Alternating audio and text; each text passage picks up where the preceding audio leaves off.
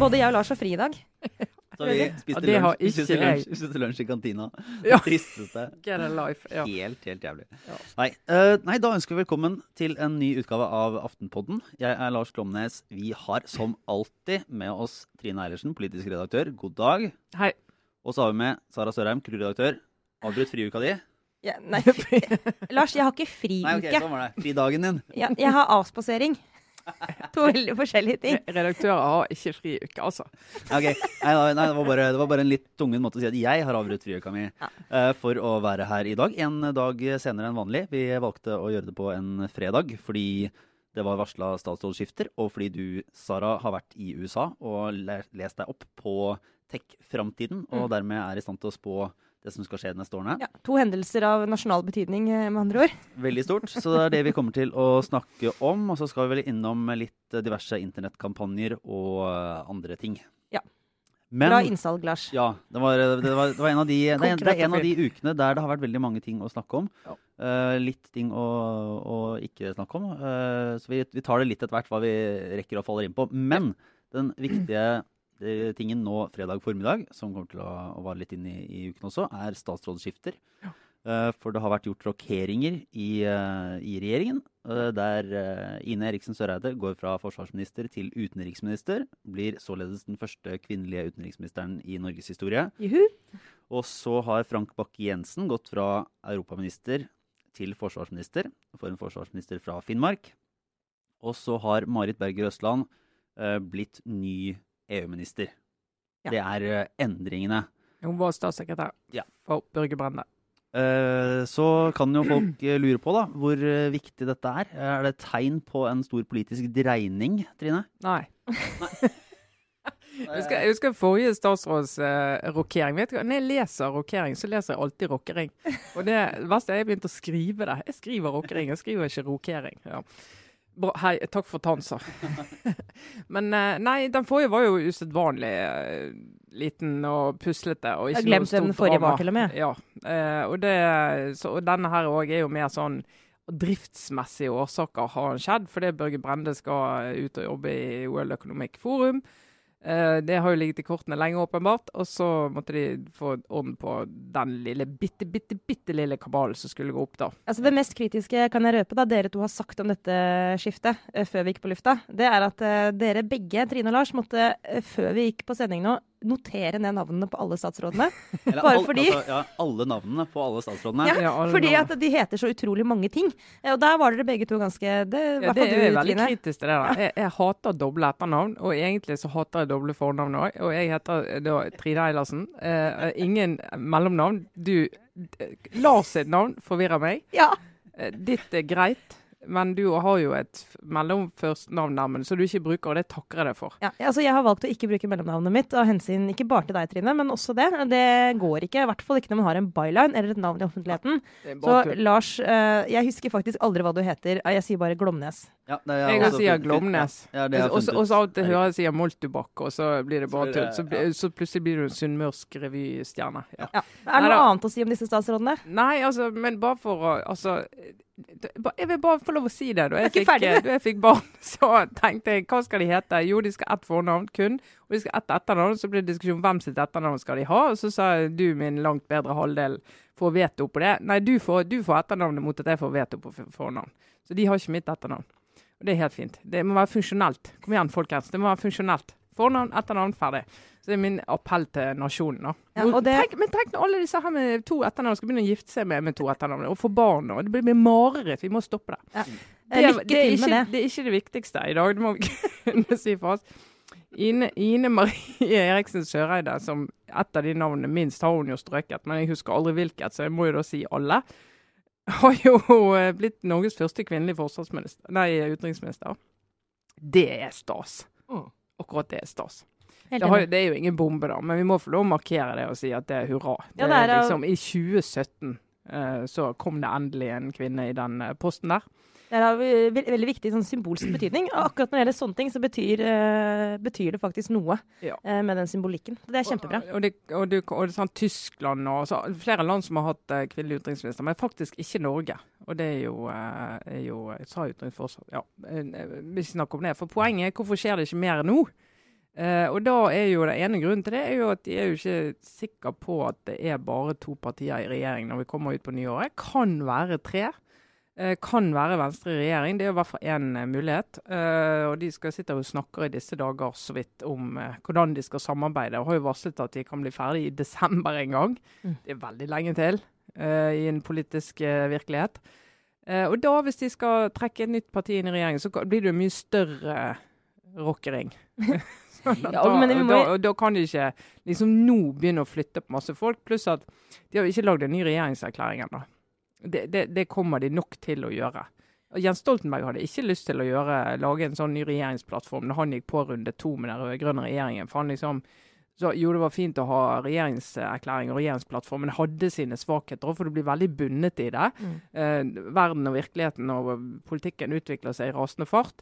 Og så er du liksom bundet av den plattformen, og du har liksom litt mindre fleksibilitet. Hva er alternativet? Ja, ingenting. Bare styre på og si det at uh, vi tar det som det kommer. Det er jo, vi har programmet, program, vi får bare snakke oss sammen, liksom. Det, det er jo en mulighet. Men også, også litt av eh, på å si, svakhet en del både regjeringserklæringer og samarbeidserklæringer, det er jo at de tar jo ofte opp i seg veldig mange problemstillinger som er veldig uh, tydelige akkurat nå. Mm. Men så plutselig skjer noe underveis, underveis som er nødt til å påvirke prioriteringene. Og da blir det veldig Ja, du får et oljeprisfall, du får en flyktningkrise. Du får en sånn eh, Ja, dere lovet 12 milliarder til sykehus, det ble bare 9. Eh, Ja, det var bl.a. pga. oljeprisfallet. Det spiller ingen rolle, for det står her. Altså, det blir sånn Du blir hele tiden eh, målt på det, da. På et litt sånn statusdokument. Men nå gjelder jo ikke lenger Sundvolden-erklæringen, da. Eh, altså den, den regjeringsplattformen som de har uh, hatt helt til nå. Nei, de har gått ut på dato, den, altså. Sånn at de, Eller de Så kan egentlig hva som helst skje. Innenfor rimelighetens grenser. Ja. Men det er jo, eh, og da, men da er liksom Hvis de lager en ny regjeringserklæring, og hvis de liksom blir enige om samarbeid med Venstre på en eller annen måte, så kan det føre til en større Men det er ikke sikkert det skjer noe store ting. Hvis de fortsetter som i dag, kan det hende at det bare blir en sånn Jo, men jeg har ja, en eller annen gang en endring, liksom. En ny sånn slapp endring med to-tre stykker. En som skal flytte hjem og ja, et eller annet sånt. Det skinner jo gjennom her at vi ikke er så veldig glad i rockeringer. Eh, Det vi elsker, er jo å legge vår egen regjeringskabal. Det er jo en sånn øvelse vi gjør i pressen med veldig stor glede, i hvert fall hvert fjerde år. Ja, jeg Så syns jo det er ille hvis vi, det skal gå åtte år mellom hver gang. Ja, Det det er for lenge. Sånn så av hensyn til the gentlemen og gentlewomen of the press, så Ja. burde vi ha vært mer er trygge. Vi vil legge ja. regjeringskabal. Men er det, noe som, eh, er det noe som tyder på at, det, på at det blir praktiske konsekvenser? Altså Norsk utenrikspolitikk ligger vel ganske fast uansett. Altså Statsråden på det feltet har ikke så mye Nei, altså jeg driver jo ikke med så mye sånn politikkutvikling på den måten, men det har jo litt med sånn prioritering. Å se på reiseprogram f.eks. Hvordan prioriterer de reiseprogrammet sitt? Hvem er de møter? Nå er vel En av anklagene mot Børge Brende er at han har jo ikke prioritert i reiseprogrammet, han har bare reist. Ja, for det skulle jo si at det er jo eh, det, har, det er kanskje av de tingene som har vært litt underdekt i norske medier, er eh, den misnøyen som har vært hos, Ja. uh, hos mange med Børge Brende som utenriksminister. Hvis man snakker med folk i både litt sånn i, i bistand og i departementet Nå er jo, nå er jo byråkratene i Utenriksdepartementet ikke kjent for å være nødvendigvis de mest lojale eller sånn entusiastiske på vegne av politiske prosjekter. da. Nei. Eh, men der har det, vært, det har vært mye kritikk av Børge Brende for å ha hoppa litt mye rundt etter pressekonferansene. Ja, og det har vært eh, parallelt med at han har hatt ganske høy score sånn ellers som statsråd. Det har egentlig vært en ganske populær statsråd. Men ikke sant? Nå tar jeg det på husken her. Men han har vel hatt ja. OK Utenriksministrene pleier å ha liksom ganske sånn OK oppslutning. Han har vel ikke vært noe unntak der, Trine? Opp gjennom disse årene? Nei, nei, altså Utenriksminister i Norge har jo tradisjonelt vært ikke en veldig vanskelig jobb. Nei. Altså det er klart Som, som Jonas Gahr Støre sa da han var i studio her, så det var jo tidvis veldig vanskelig. Han var jo blant annet på Serena hotell i, i, i Kabul da det smalt der, så det var jo forferdelig. Men sånn all in all så er jo ikke det en, en rolle der du hjemme får så mye trøkk mot deg. Nei, og du er liksom nasjonens representant uh, Ja. ute, og, og veldig mange av de vi har hatt, har løst det på en god måte. Men, uh, men Brende har jo da vært tilsvarende, altså direkte upopulær blant uh, en del. I hvert fall de som har eh, kommet, kommet oss for øre. Eh, detaljstyrene har vært en ting jeg har hørt om han. Eh, og eh, jeg tror det byråkratiet i UD skal kanskje ganske lite til om at de har følt seg litt sånn tilsidesatt. Og det er ikke populært. Men det er, jo, det er jo krevende ofte for eh, en statsråd. eh, Og jeg, den kritikken her kjenner jeg igjen. Jeg tror alle som snakker med kilder i UD kan bekrefte at han oppleves som detaljstyrende og litt uforutsigbar på hvilke saker han velger å gå inn i veldig i dybden når. Eh, sånn at det, det blir mye armer og bein. Og så er det jo litt som en leder som er veldig lite til stede. Så skjer jo alt da gjennom andre, og så må det gjøres på nytt igjen og han plutselig er til stede. og ja, Alle som har en reisende sjef, vet jo hvordan det er eh, å ha det sånn. Eh, Men så har det jo vært litt sånn spørsmål om det politiske prosjektet til eh, Børge Brende. Men det er klart at det er jo regjeringens utenrikspolitikk. og det, Den har jo også altså I de fire årene han har vært utenriksminister, har jo verden rundt oss endret seg voldsomt. Så gikk vel, altså, Børge Brende gikk vel inn i dette prosjektet, altså denne, denne jobben med ambisjonen om å normalisere forholdet til Kina, og det har han nå uh, hatt, uh, har Ja. han oppnådd. Det ble jo var flere som sa det at det var viktigste grunnen til at det ble akkurat han, og ikke en annen. Uh, Det var jo det at han, han fikk det oppdraget og skulle ha et, et nettverk og kontakter som skulle gjøre det. At han, sannsynligheten var større for at han kunne bidra til det, enn at andre kunne bidra til det. Så er heller ikke det et enmannsprosjekt på noen måter i vårt system, men likevel så, så jeg henger jo det der som en av hans uh, seire, da, må vi kunne si. Og nå når de får uh, Ine Fornavnet hennes er jo veldig enkelt og greit. eh, så det er, er derfor jeg er på fornavn. eh, ikke fordi jeg ikke ser på henne som like viktig å være på etternavnet som alle andre statsråder. Men uansett, da. Med henne så får de i hvert fall en sjef som er mye på kontoret. Vil si, hun må jo reise mye som eh, utenriksminister, men hun er jo viden kjent som statsråd for å komme på kontoret uhyre tidlig. Eh, etter hva jeg hører, så er hun sånn som ofte er på jobben fra syv. Ja, Og det, til og med sånn, før det. det er litt sånn Japan, at da må de andre stille før syv, eller? Ja, så det, hennes, for hennes eh, stab så er det liksom en eh, fordel når hun er ute og reiser, da, for da kan de komme på jobb som vanlig, som oss andre dødelige, sånn slenge innom i halv ni-ni-tiden. Kan levere i barnehagen. Men poenget er at statsråden, altså de som jobber for statsråden, de, de må jo da være klare når hun kommer. Så øh, samtidig også tror jeg hun så vidt jeg kan forstå, må være en av de best forberedte utenriksministrene. Altså det, hun er jeg- eh, solid i denne rollen også, vil jeg tro. Men, eh, men de, de får bare gni søvnen ut av øya, disse unnskyld meg, litt sure UD-byråkratene. For nå skal de få kjørt seg i hvert fall. Jeg vet ikke hvor tidlig Brønde har vært på jobb, men tipper ikke, ikke så tidlig. Og så kan vi jo bare, vi skal, vi skal runde av dette, men det er jo litt, hun er antakeligvis godt forberedt. Og så kan man vite, i hvert fall det jeg har hørt, at har jo gått nå i, i forkant av disse endringene, så har de sittet på mange, i mange departement og, og spekulert og lurt på hva som kommer til å skje.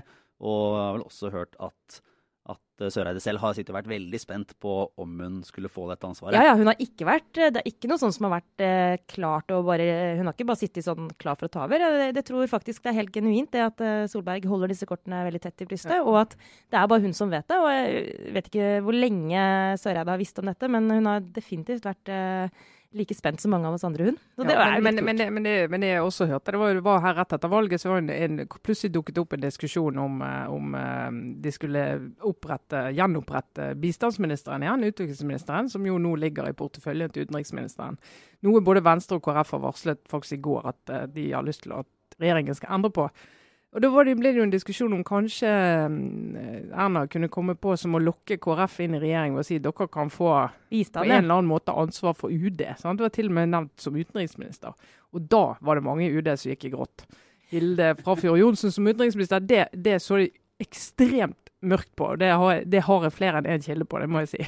Jeg kan også da, Unnskyld, Lars, vi skal straks gå videre, men jeg må også fortelle at uh, dette har ikke bare vært uh, på, på denne borgerlige siden litt sånn skrekkvisjon. Jeg vet også at enkelte i Arbeiderpartiet eh, Der finnes det jo f.eks. i hvert fall én kar som var, var veldig klar for, om de vant valget, gå inn som utenriksminister. Han skal ha blitt litt sånn eh, flakkende i blikket da en eller annen person nevnte for han at har du ikke tenkt på at hvis, hvis KrF velger å, å skifte side, det de kommer til å bli lokket over med, det er utenriksministeren, og det er Hilde Frafjord som skal da inn i den. Og det også var sånn eh, Kilden sa at eh, han, for å la han være litt anonym, da, hadde, hadde bare liksom blitt grå i fjeset eh, ved tanken. Så dette har vært Ja, men det ble jo ikke sånn. Det ble ikke sånn. Jeg tror, og vi, vi, eh, Hva som skjer med europaministeren altså, fra, fra Ja, who cares? Unnskyld meg. Ja. Altså, vi gidder ikke å snakke om det. Nei. For det som har opptatt mer altså Det er så mange ting i denne uken, men eh, vi har jo eh, latt oss eh, engasjere av en, denne kampanjen. Som, som, Men Lars, nå må du ikke glemme Ja. den fine overgangen du hadde planlagt. Vi planlegger jo veldig sjelden disse sendingene, men du hadde jo én plan i dag. Husker du hva det var? jeg hadde det. Men det, Ja. var, uh, det var den hva det betyr at, uh, at uh, utenriksministeren og finansministeren og statsministeren er kvinner. Ja. Eh, men vi snakka litt om det tidlig. Og ja, Så den funker ikke lenger? Jeg tenkte at nå, det, nå er den brukt opp, den overgangen. nettopp. Ja, for Men vi skal snakke om det med damer nå. nå Ja. ble det veldig, men det var veldig smidig det her, altså, Sara. Jeg synes det, dette skulle du ha jobba med her i årevis. Det kastes han i maskineriet.no. Ja, takk, Sara. Nei, fordi denne metoo-kampanjen som har spredd seg rundt i, eh, i Norge i fortsettelsen av Harvey eh, Weinstein-saken i USA, som vi Mm. snakket om forrige uke. Nå har du da mm, jeg vet ikke noe konkret antall, men det har jo i hvert fall overflommet eh, sosiale medier. Altså kvinner som, som bruker hashtaggen metoo eh, som et tegn på at de har opplevd seksuell trakassering eller, eller en form for overgrep. Eh, og da er det jo Spørsmålet er dette nok en eh, hashtag som forsvinner inn i eh, fortiden, sånn som vi har sett en del eh, Vi hadde, gjøre. jo, hadde jo 'Jeg har opplevd' for halvannet år siden Mm. omtrent. Mm. Ja. Samme tematikk, sant. Men da jeg, utvik- øh, jeg var litt, om ikke skeptisk, så i hvert fall litt kynisk i møte med denne metoo-hashtagen, men det var ikke du med på, Trine. Nei, jeg som vanligvis er skeptisk til hashtagger. Ja. nå, nå jeg helt, helt eh, entusiastisk. Nei, altså, jeg, jeg syns den har en eh, Altså, han har en effekt på den måten at mange Altså, hva skal jeg si Mange kjente og profilerte kvinner òg står frem eh, med sine historier. Viser bredden i hva dette innebærer. Da hele spekteret fra voldtekt til eh, tafsing og kommentarer som er veldig ubehagelige å få, få i seg i en jobbsituasjon. Eh, og får, eh, får på den måten, selvfølgelig fordi de er kjente, får de løftet problemstillingen. sånn at altså Sånne som oss har jo holdt dette gående nå i to uker eh, i mediene. Vi snakker om når det kommer stadig nye kvinner. Nå er det få i Norge. Eh, det er vel ingen som er blitt outet i Norge. Eh, drar du til vårt naboland Sverige, drar du liksom til en del andre land, så ser du at liksom nå begynner, nå begynner de å bli navngitt, en del av de, si, de verste. da. Og det er, det er, jo, eh, det er jo interessant. Men jeg, synes, jeg merker sjøl at jeg, altså jeg leser det er jo kvinner jeg kjenner og har kjent i mange år, som plutselig forteller noe i den hashtaggen som jeg ikke har visst før nå. Og det har, en, det har skapt en aksept for å gå ut og fortelle historier. Eh, som jeg vet uh, Dette vet jo vi Jeg tror alle kvinner jeg kjenner har på en eller annen måte en eller annen sånn opplevelse. Ja. Uh, inkludert meg sjøl. Men det, det liksom, du har tenkt sånn Nei, jeg forteller ikke om det. For det første, når det skjer, så tenker du raskt Jeg skammer meg for at jeg er en sånn som han tror at han kan gjøre det, det med, eller snakke sånn til. Det er jo ofte første reaksjon. Mm. Og så tenker du jeg bare legge det bak meg. Mm. Jeg vil ikke, jeg, vil ikke, jeg gidder ikke tenke på det. For en kødd. Jeg bare får ligge unna han. Og så, men hvis alle gjør det, da, Mm. eh, alle gjør det, så, så blir det aldri en diskusjon. Da blir aldri problemet, omfanget av problemet kjent. Og jeg syns faktisk nå at det har kommet opp på et nytt nivå. Så må det sikkert en ny hashtag-kampanje til om halvannet år for å liksom enda mer trykk på det. Men jeg mener vi er jo definitivt på vei i riktig retning, og det får jo konsekvenser i mye større grad enn det gjorde før. Jeg må bare legge til det at øh, med konsekvenser først bare for meg sjøl, og så etter hvert også får det jo øh, Det har jo vist seg nå at særlig i Sverige har det fått konsekvenser også sånn øh, i, i arbeidslivet. Men, for I PK-landet Sverige så I har det rent på. ja. men bare for å ta min egen refleksjon først. meg selv først. Men, øh, men øh, det rare er at jeg tenkte gjennom når den øh, hashtagen her, når den kampanjen begynte, liksom hva jeg har opplevd sjøl. Og så tok det faktisk mange, mange dager. Altså det et eller annet om fortrenger det jo. Jeg har helt fortrengt det. Så det var egentlig først i går eh, hvor en kollega av meg nevnte en eh, annen eh, Ikke kollega her i Aftenposten, men en person i liksom, mediebransjen som har litt sånn, et sånt rykte. Og så var det navnet bare kom forbi, og så plutselig så kom jeg liksom selv på eh, en historie som ikke er noe sånn veldig grov, men som er definitivt langt, langt, langt, langt over streken. Som gjaldt både meg og flere andre kvinner som var til stede. Eh, og det Den gangen opplevde jeg vel bare altså Det ble en sånn sladrehistorie ut av det. Eller vi fortalte det til folk og var sånn åh, han er typisk han. Men det falt meg ikke inn den gangen eh, å, å, ta, å gjøre noe. Eh, type sånn ringe til hans sjef og si at eh, dette går ikke an. Eller vurdere å skrive om det i avisen. Det kunne man jo fint ha gjort, for det var en mann som var eh, totalt uprofesjonell. Eh, men eh, det verste, egentlig, eller det rareste, var at jeg ikke engang husket det når jeg ble liksom påminnet denne kampanjen. Og det sier noe om hvor, hvor normalt det er å oppleve sånne ting, eh, og hvordan vi også kanskje Altså vi kvinner som kunne sagt fra, heller ikke har sagt fra. Mm. Og det har jeg tenkt, det var en venninne som skrev om en eh, mye mer alvorlig hendelse, ikke for henne, men med en person som senere begikk et overgrep mot en annen jente. Uh, og da har hun tenkt sånn, hvis jeg hadde sagt fra den gangen, hadde han da blitt tatt ut av den stillingen som gjorde han i stand til å utføre overgrep. Sant? Så det handler om å ta det kollektive ansvaret. Så det synes jeg er veldig sånn, det, det liker jeg veldig godt med den kampanjen her. Samtidig da, så må jeg si òg, Trine, at jeg, jeg kjenner litt på Sånn som nå i Sverige, når det er, nå er faktisk tre eller faktisk vel fire konkrete navngitte svenske mediepersonligheter som har blitt anklaget for å ha begått eh, overgrep eller bedrevet seksuell trakassering. De er nå permittert. Eh, og både Aftonbladet, SVT og eh, svensk TV4 har satt i gang intern granskning for å gå, komme til bunns i dette. Disse mennene er nå ute med navn eh, mm. overalt på internett. Mm. Det er klart, Hvis dette ikke er sant, det de har gjort, så er det også form for sånn gapestokk, ja. som er ganske brutal. da. Ja. Jeg kjenner litt på det også. Jeg synes det, det synes jeg er litt sånn problematisk. Nei, og Det er jo en grunn til at det ikke er kommet navn her. sant? Ja. Fordi at det er litt sånn, greit, Du har en episode der og en episode der, men det er liksom når velger vi å gå ut med navn? Når velger noen å fortelle navn? Vi hadde jo et, eh, et innlegg eh, av eh, skuespiller Frost. Kommer akkurat ikke på fornavnet, Lars. Gjør du? Nei. Nei. Som skrev at en regissør hadde åpnet buksen og trukket frem penis og viste henne på jobb når de skulle lage film. Men nå sier jeg ikke navnet på han. Og vi er, vi er, jo ikke helt der. Og vi har, jo, vi har, jo, en annen tradisjon for det enn de har i en del andre medier. Og Weinstein er jo, det er jo kjørt. Mm. Men det er jo, begynner det å komme en del andre. sant? Men det er klart, for å lage noen slags sånne linjer her, så, så, mener jeg at det, der hvor en person har liksom bedrevet maktmisbruk, da, altså når du har uh, Sextrakassering er i seg selv helt uakseptabelt. Eh, når skal vi skrive om det med navn? Selvfølgelig er det avhengig av at vi må vite at det faktisk er riktig, det som ble påstått. Og så kommer det et eller annet inn her med maktmisbruk og hvilken posisjon den som har trakassert, har. Mm. Eh, hvis det er sånn helt tydelig eh, misbruk både av makt og av en annen person, så er det liksom innenfor det som ofte blir til at vi forteller hele historien. Nå er det ingen av de sakene som, som svirrer rundt akkurat nå i Norge hvor det er tilfellet, men det kan fort skje. Altså, det er ikke sånn at det, uh, Ingen er beskyttet mot å bli uh, skrevet om med navn, men da må vi vite helt nøyaktig hva som er liksom, forholdene i saken. Men det er jo, det er jo et faktum at du veldig veldig sjelden vil vite akkurat hva som har skjedd. da.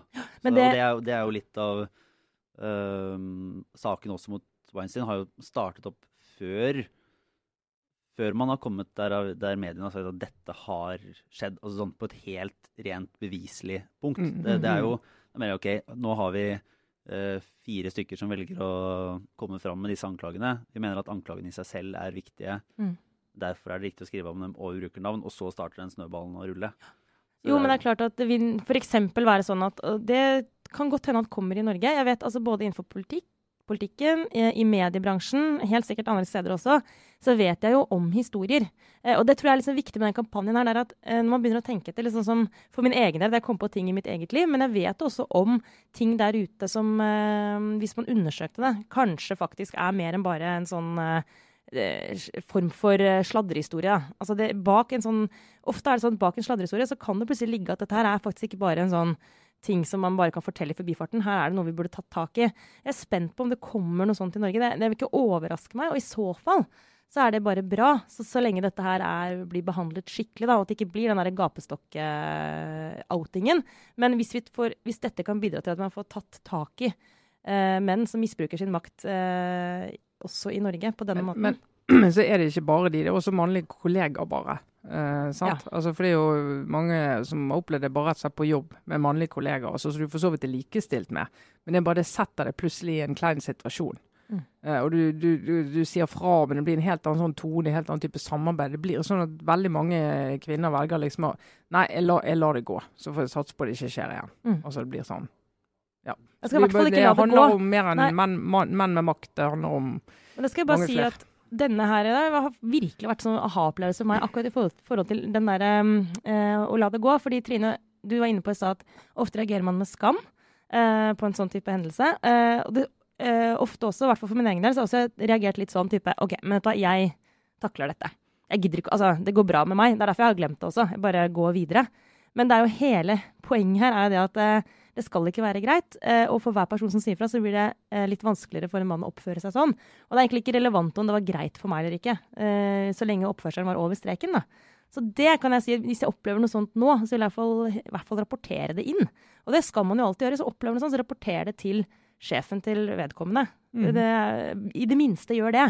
Det, jeg, det, kan jeg i hvert fall. Det har fått meg til å, ja, Denne kampanjen har fått meg til å bare innse at det skulle jeg gjort den gangen. Ja, du skal si Min kynisme til kampanjen var mer sånn OK, eh, en, eh, det var såpass bred runde på den jeg har opplevd, og, og en ny bred runde nå, så er det sånn OK, men hvordan er det det faktisk tas videre? Men du Lars, kanskje det er hele poenget? Altså, det er ikke sånn at det kanskje um, Altså, det, det handler om det gode norske ordet awareness. Hva heter det? Altså det å være bevisst på disse problemstillingene.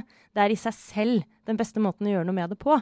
Så det, bare den kampanjen, altså Kanskje må vi ha en sånn kampanje med ett eller to års mellomrom, da. Ja, Når det Eh, er mange nok kvinner, så bryter det veldig ned den umiddelbare skamfølelsen som den enkelte kvinne føler i den situasjonen. For, for da får du, Selv om du vet intellektuelt at dette er jo ikke min skyld, det er jo ikke jeg som gjør noe for at han plutselig skal komme og ta opp meg på den måten her.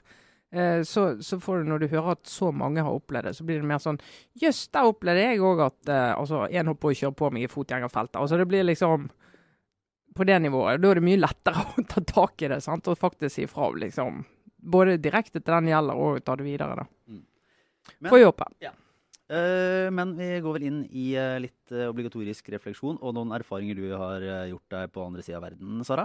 For du har vært Ja. i eh, teknologiens høyborg og Vært en litt, sett inn. li- en liten tur i Silicon Valley, Ja. eh, som jo alle medieledere blir sendt til som en slags, sånn, eh, slags vårt eh, mekka, eller eh, ja, vår pi- pilegrimsreise, for å lære om hvordan man skaper en eh, innovasjonskultur. Ja, og, og føle oss litt gammel og såkalt legacy, som det heter der borte når du er en sånn gammel bedrift. Ja.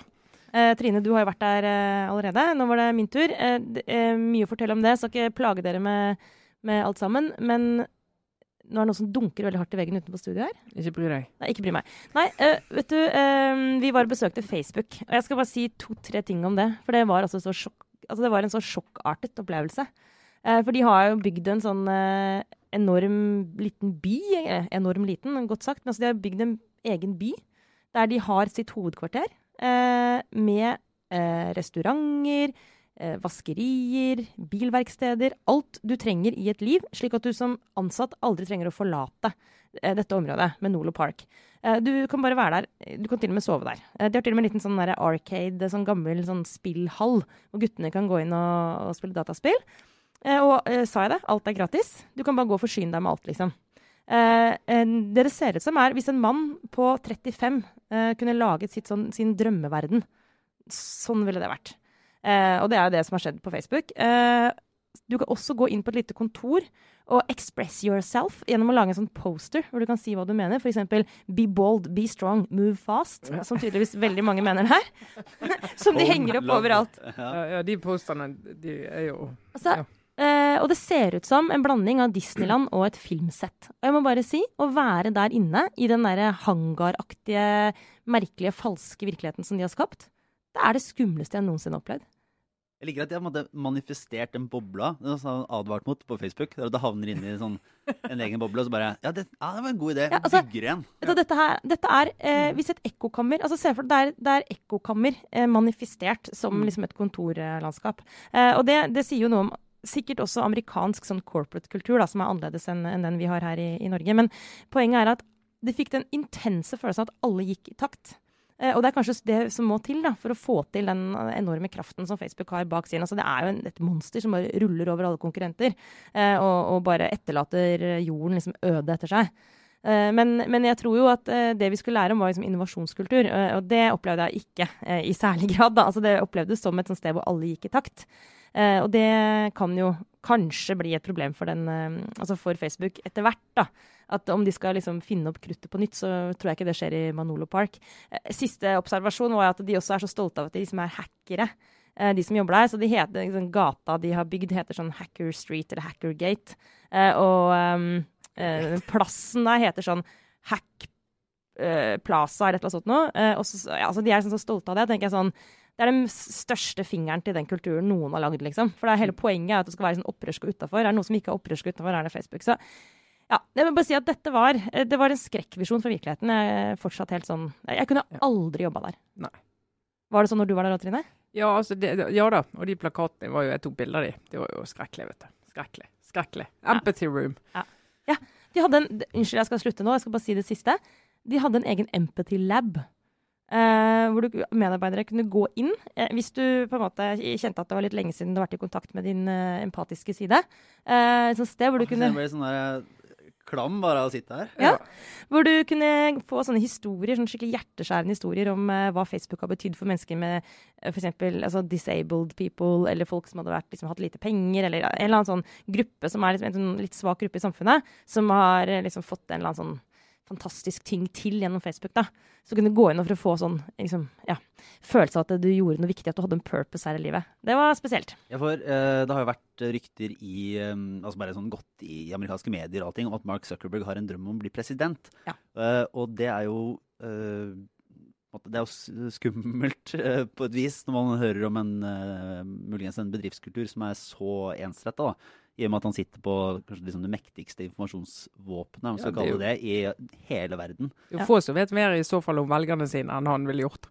Ja, den, eh, Altså Hvis dette her jeg observerte på Facebook i det hele tatt ligner på liksom, eh, samfunnet slik Mark Zuckerberg vil ha det, så er jeg nesten litt sånn Det er nesten så jeg foretrekker Trump, liksom. Ja. Altså, det er, Takk, ja. takk Sara. er det noe jeg skal være stille? Nei, jeg skal, jeg skal rett og slett eh, komme med to anbefalinger. Det er jo ikke så ofte jeg gjør, for jeg har jo ikke et liv, så jeg får jo aldri med meg ting som jeg kan anbefale. Uh, men uh, det har jeg fått nå. Fått med meg ting jeg kan anbefale. Det ene er podkasten Dirty John. LA Times har laget en podkast om en mann som heter John, som sjekker opp damer på sånne sjekkenettsteder. Godt voksne damer med god råd. Og så viser jo han seg å være en galopperende psykopat. Som, eh, og, og, og, den podkasten De har snakket med hun kvinnen dette først handler om, og hele hennes familie. De snakket med hans familie, politifolk som har vært borti ham før. Det er altså en så fascinerende krim, eh, krim true crime-podkast. Som jeg i går så hørte jeg siste episode. Da hadde vært ute og handlet og satt i bilen og skulle hjem. Stoppet utenfor mitt eget hus. Da var det et kvarter igjen av siste episode. Satt jeg i bilen utenfor mitt eget hus og hørte ferdig eh, podkasten, for jeg kunne ikke håper å si, legge på. det sånn jeg, det forventer jeg at alle Aftenpodden-lyttere også gjør. Ta for gitt at de gjør det. Ta for gitt at de gjør det. Så når du, når du ikke hører på Aftenpodden, så kanskje ikke får det samme, samme pulsen på den måten, men likevel. Det andre jeg har lyst til å anbefale, er jo den Vietnam-dokumentaren som ligger ute på NRK sin eh, spiller nå. Um, Déjà vu. Eh, lang, lang jeg 18 timer eller noe sånt. Enormt lang, svær, grundig dokumentar om utgangspunktet i Vietnamkrigen, men så begynner jo lenge før det, for historien om Vietnamkrigen begynner lenge før det. Eh, Og så gå altså inn i detaljer med gode kilder og godt bildemateriale. Det er altså så fengslende å sitte og se på. Så det Samtidshistorie, altså. Dive in. Det Åh. må du gjøre. Kan jeg da bare skyte inn at jeg leste 'Shattered' eh, på flyet tilbake hit fra USA. Eh, Ja, boka om den mislykka kampanjen til Hillary Clinton. Apropos samtidshistorie. Eh, den også må jeg bare slenge en anbefaling på. Utrolig interessant. Jeg Kan komme tilbake til det i en en annen sending, men eh, Ja, jeg er også holder på å lese den, faktisk. Så den Ja. kan vi snakke litt om. Det er Dere er samtidshistorie. Min lille anbefaling er Nå er jeg jo flere år etter, egentlig. Men nå jeg begynte å lese i går kveld denne eh, Sapiens-boka til Harari, om, som tar for seg menneskehetens historie. Og uh, snakk om uh, interessante mm, ting. Altså. Det er bare, det er Du får litt perspektiv Ja, av å lese den. der, ja, jeg leser om den kognitive revolusjonen for 70 000 år siden. Uh, da man da man mener at mennesker plutselig fattet at det fins noe mer enn det konkrete, og dermed kan, eh, kan bygge myter og f.eks. bedriftskultur. da. Som det sies at eh, hvis du får Du kan ha du kan holde sammen grupper på inntil omtrent 150 mennesker, det gjelder også i dag, uten noe særlig overordna organisering. Eller en, uten en visjon. og uten en visjon, da, da kan du Det holder med sosiale forhold og sladder, og man snakker om hverandre og har, har kontroll. Men noe mer enn det, så trengs det et eller annet overordna, og noe, noe som ikke er håndfast og ekte, da. For å, noe abstrakt som skal, kan, kan holde dette sammen. Så når, på dager der ukene går litt fort, og ting er, så kan man tenke på at eh, det fantes mennesker for 70 000 år siden som i, for alle praktiske formål var akkurat sånn som det vi er i dag.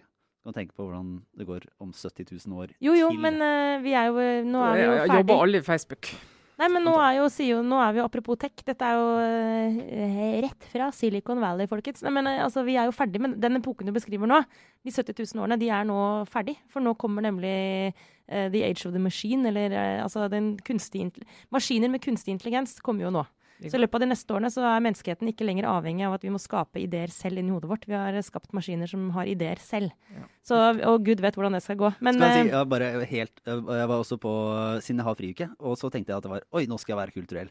Så gikk jeg ut i sola, og så stakk jeg inn på Astrup Fearnley og så uh, Mathias Fallbakkens utstilling der. Og tenkte at nå eh, Altså, gi meg noen maskiner eller noe. Det her er for abstrakt og for menneskelig. Her, det trenger jeg ikke mer av. Men eh, da skal vi runde av for denne gang, og så er vi tilbake neste uke. Vi skal eh, bare, på en torsdag. vi skal bare noe, Sara? Ja, jeg skal bare takke alle våre lyttere som skriver til oss på Facebook. Det er ikke alltid vi rekker å svare, men vi leser alt. Og jeg har bare lyst til å trekke frem én. Har vi tid til det? Ja, ja. Ja, altså, og Trine, du skal løpe av gårde til et møte, men du må høre først Åsmund Solberg, Ja. eh, som skriver til oss. I dag har mine elever i 10. klasse sett på perspektivmeldingen og blitt dypt bekymret for fremtiden. Akkurat som målet med timen var. Tipper det varmer Trine sitt hjerte.